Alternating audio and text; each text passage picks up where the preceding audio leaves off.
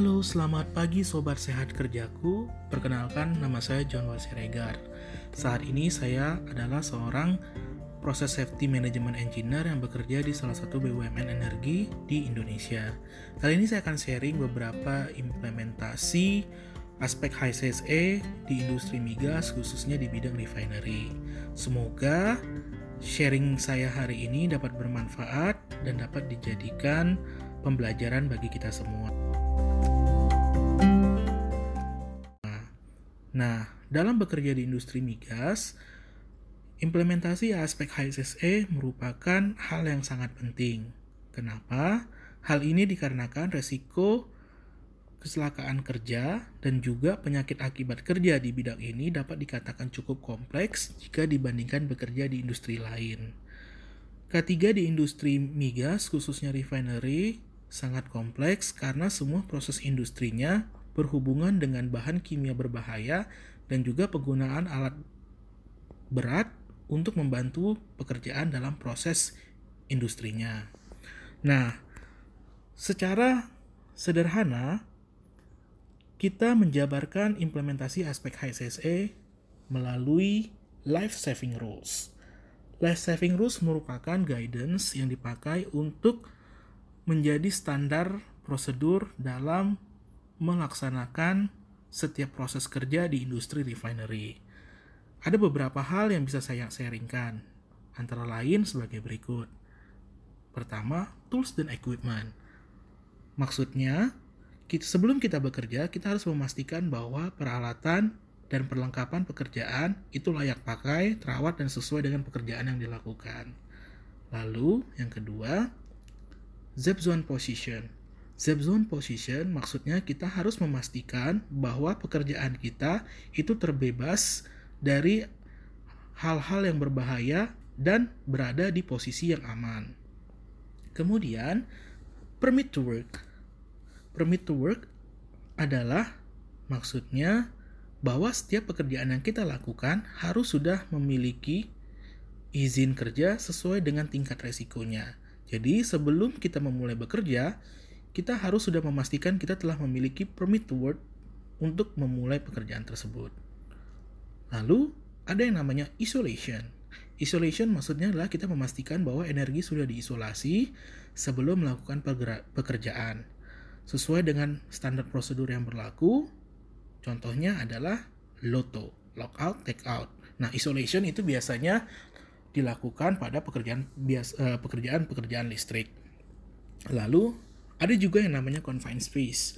Nah, confined space artinya kita memastikan bahwa kita memiliki otorisasi dan izin kerja yang valid serta telah diketahui oleh pihak yang berwenang sebelum kita masuk ke dalam ruang terbatas.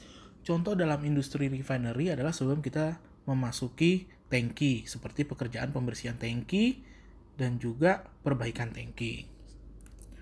Kemudian, kita memiliki yang namanya lifting operation. Lifting operation maksudnya kita harus memastikan bahwa semua pekerjaan yang berhubungan dengan penggunaan alat berat itu terencana, terawasi, dan dilaksanakan oleh personil yang berkompeten. Jadi, pekerjaan yang berhubungan dengan alat berat itu harus diawasi serta dilakukan secara tepat sesuai dengan prosedur yang berlaku. Kemudian, kita juga mengenal yang namanya fit to work. Fit to work artinya sehat sebelum memulai bekerja. Nah, maksudnya kita harus memenuhi semua persyaratan kesehatan dan dipastikan bahwa kondisi tubuh kita itu sehat sebelum memulai bekerja. Hal ini dimaksudkan untuk mengurangi tingkat resiko terjadinya kecelakaan ataupun penyakit akibat kerja yang terjadi akibat kondisi kesehatan yang menurun. Lalu kita mengenal yang namanya working at height. Working at height maksudnya adalah uh, guidance di mana kita memastikan sebelum kita bekerja di area ketinggian, kita telah menggunakan alat pelindung diri yang sesuai dengan standar. Nah, ini dimaksudkan agar ketika kita bekerja di ketinggian, resiko terjadinya terjatuh dapat diminimalisir karena kita memastikan semua prosedur bekerja di ketinggian itu sudah di, terapkan sesuai dengan prosedur yang berlaku. Lalu, ada yang namanya personal flotation device, yaitu adalah kita memastikan bahwa alat pelindung diri yang digunakan saat bekerja di area yang memiliki potensi tenggelam itu digunakan secara benar sesuai dengan prosedur yang berlaku. Hal ini untuk meminimalisir terjadinya risiko tenggelam di pekerjaan-pekerjaan di area perairan, seperti di area pelabuhan maupun di atas perairan lainnya.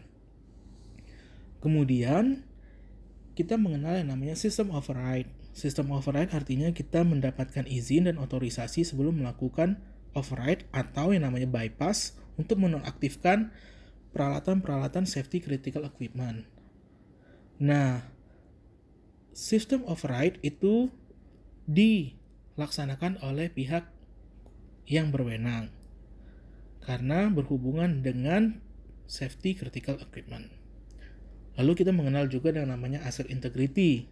Asset integrity ialah pemeliharaan, inspeksi, pengujian semua fasilitas perusahaan sesuai dengan prosedur yang berlaku. Lalu, terakhir kita mengenal juga namanya driving safety.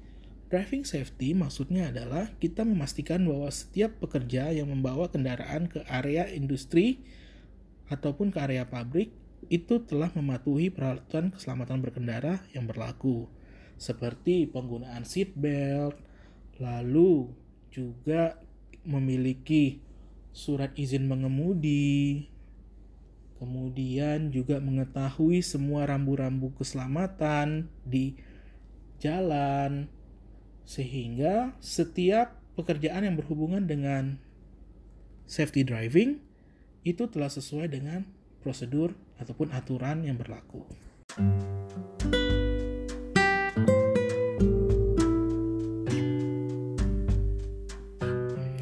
itu saja yang bisa saya sharing kepada teman-teman. Semoga uh, implementasi aspek HSSE ini bisa menjadi pembelajaran bagi kita semua. Terima kasih. Salam hangat dari saya, John Siregar. Sampai bertemu kembali. thank you